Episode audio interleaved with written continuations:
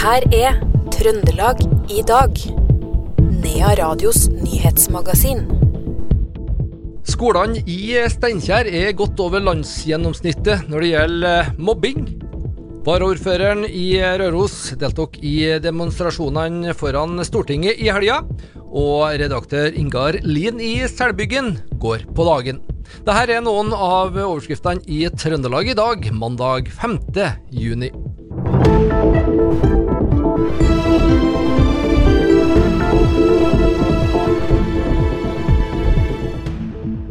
I helga har eh, demonstranter markert foran eh, Stortinget at det er 600 dager siden Fosen-dommen falt. En av de som var til stede på Eidsvoll plass, var varaordfører i Røros, Kristian Eljon. Det var sånn at jeg var i Oslo i helgen på møter i partiet i SV. Og så var jo denne demonstrasjonen da på samme tidspunkt, og da var vi noen som eh, fant ut at det var veldig passende å kunne delta på demonstrasjonen framom Stortinget. Ja. Det likevel var der. Hvordan var det å komme dit da, og uh, se uh, de sterke meningene framom uh, Stortinget? Altså jeg må si at det, det, er litt sånn todelt. For det første så var det veldig fint og flott å være til stede, treffe litt folk, høre på sterke appeller fra både personer som er direkte og indirekte berørt av det disse vindkraftverkene og av den høyesterettsdommen. Og så er det samtidig på den andre sida noe sånn trist og litt sånn skremmende rundt det hele. Nemlig det at det er altså her nå først og fremst ungdommer. Unge mennesker som har dreid i gang store, viktige demonstrasjoner. Både knytta spesielt til den høyesterettsdommen, og så skjer jo det her litt sånn større bildet knytta til urfolksrettigheter og og kamp for menneskerettigheter, rett og slett. Ja, Betyr at du mener absolutt det her er så viktig at det er verdt å bruke alle de her ressursene på, på nettopp det her demonstreringa? Ja, absolutt. Jeg mener det demonstrasjonene som både var nå og som var for noen måneder siden, da, da det var 500 dager siden dommen, er helt på sin plass. Fordi at uh, her foreligger det en høyesterettsdom som foreløpig ikke er fulgt opp på noen som helst måte fra regjeringa og fra staten. Så det er jo på ingen som helst måte greit. Og så må vi huske på at det her og nå sammenfaller veldig nøyaktig i tid med at rapporten kom fra Sannhets- og forsoningskommisjonen, som har sett bl.a. på den store uretten som er begått mot samer gjennom mange, mange år i Norge. Det sa Christian Eljon, varaordfører i Røros. Staten forhandler ikke lenger med reindriftssamene på Fosen. Nå er det selskaper som eier vindkraftanleggene som sitter ved forhandlingsbordet. Her er statssekretær i Olje- og energidepartementet, Elisabeth Sæter. Den rettssaken som eh, til slutt endte i Høyesterett, og med den dommen eh, som vi har hørt mye om i etterkant og jobba mye med etterkant, så var det jo en rettssak utgangspunktet mellom nettopp vindkraftkonsesjonærene på Fosen og reindrifta på Fosen. Og da var jo med bakgrunn i at man ikke hadde blitt enige om det såkalte erstatningsspørsmålet, altså ekspropriasjon. Og det er jo fortsatt et, et, uløst spørsmål, så sånn sett så er det ikke unaturlig at eh, det er de to partene som nå sitter og ser om man kan komme fram til en avtale eh, om de spørsmålene som er uløst. Og så har vi sagt da at hvis en sånn avtale for det første fører fram, men òg fører til tiltak som sikrer reindrifta på Fosen, ja, så kan det òg være en god måte å følge opp Høyesteretts dom på, og sannsynligvis òg en raskere måte å følge, følge opp Høyesterett sin, sin, dom på. Når det er sagt, så eh, er det statens ansvar at vi nå sikrer reindrifta sine rettigheter på Fosen. Og skulle det være sånn at de her samtalene mellom vindkraftutbyggerne og reindrifta ikke fører fram, så vil vi uansett fortsatt ufortrødent med vårt arbeid for å sikre at ja, rettighetene til reindrifta på Fosen skal bli ivaretatt, at vi får de avbøtende tiltakene som kreves for å få det til. Ja, for striden gjelder jo om konsesjoner, og um, konsesjoner er det vel ikke internasjonale selskaper som uh, deler ut. Uh, er dette en vanlig fremgangsmåte i slike saker? Det er det ikke, men uh, Fosen-saken er heller ingen vanlig sak. Uh, som jeg var inne på, så var jo rettssaken som gikk til Høyesterett, den var jo en rettssak mellom vindkraftkonsesjonærene, altså Fosen Vind og Roan Vind, og reindrifta på Fosen.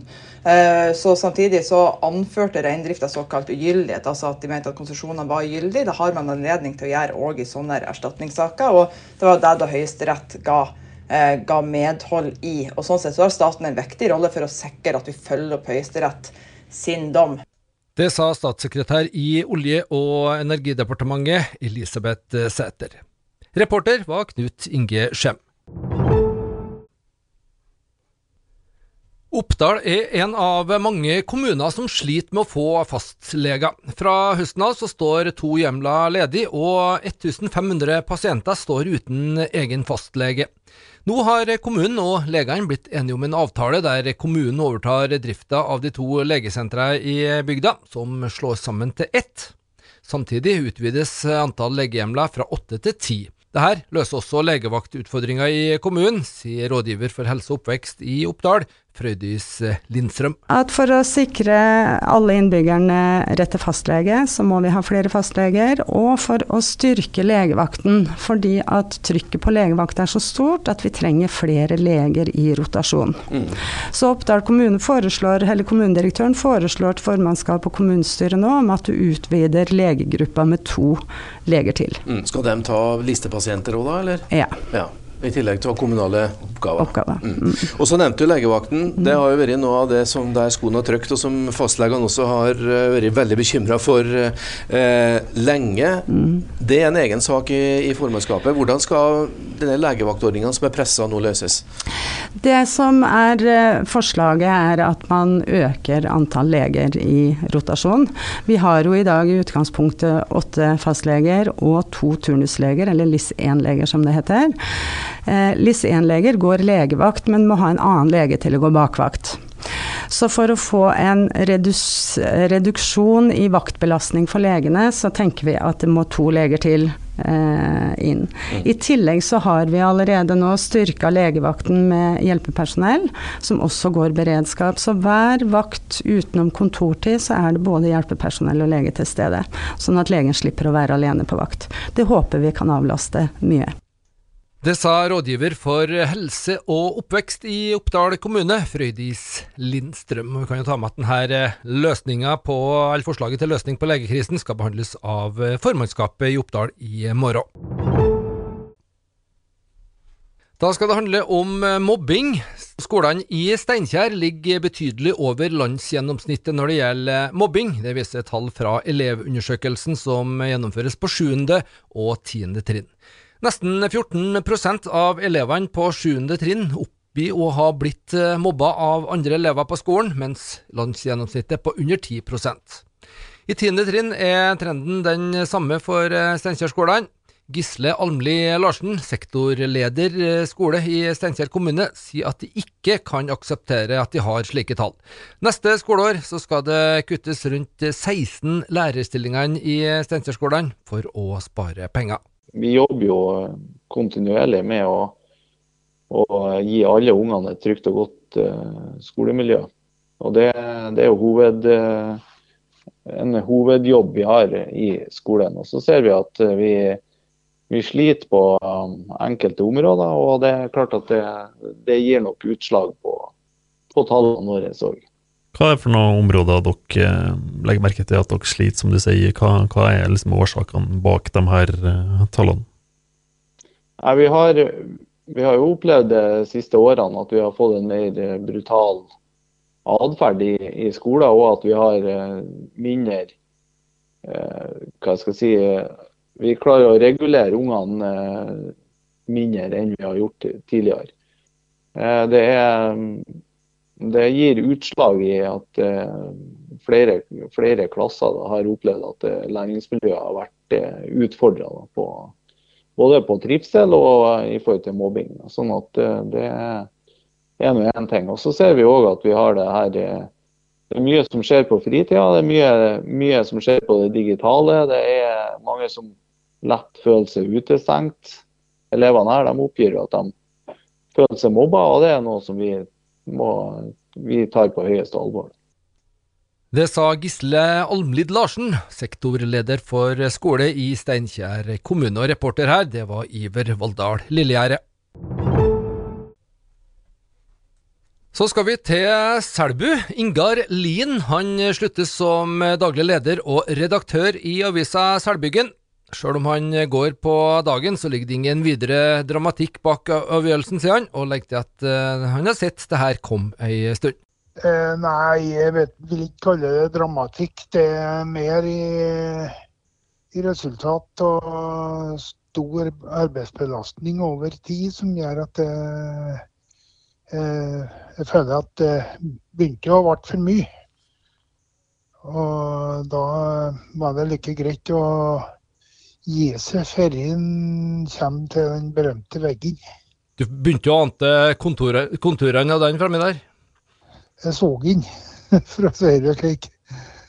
Men eh, det, det var jo Det har vært en kjølig belastende vinter eh, og vår. eh, Både med mye å gjøre på jobb og mye å gjøre utenom jobb, som gjorde at totalen ble for stor.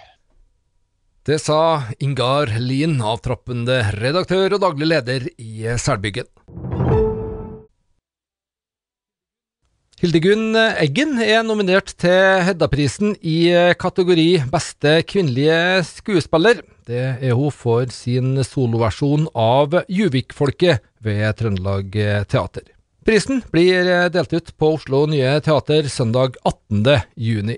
Ja, det er helt fantastisk. Det har jo vært en lang reise.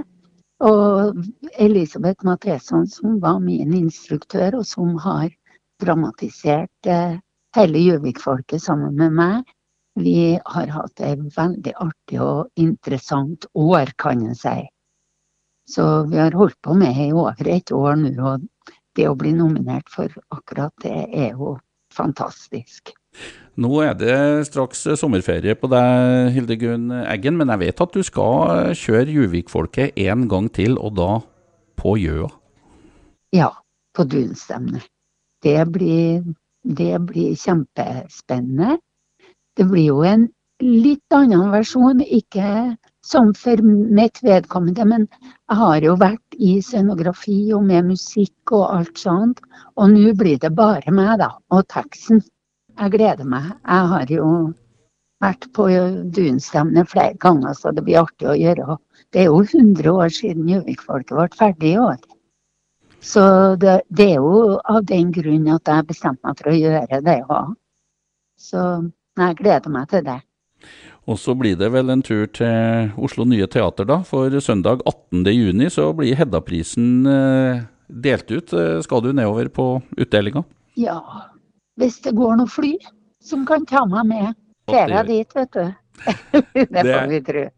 Det sa Hildegunn Eggen, nominert til Hedda-prisen i kategori Beste kvinnelige skuespiller. Reporter her, det var Knut Inge Skjem. I helga arrangerte Norske kokkers landsforening nordisk kongress på Hell. En av talerne der var Inge Johnsen, som nå vil få elefanten vekk fra menyen. Alle kjenner elefanten i rommet. Men elefanten på menyen er på en måte det at vi i bransjen, som innenfor restaurantbransjen, har kanskje ikke tort å snakke om ting som vi bør snakke om. Bl.a. å bedre vilkårene for kokker og servitører. Eh, I forhold til når begynner du på jobb, når slutter du på jobb. Eh, lange arbeidsdager. Og så er det jo et hierarki på et kjøkken.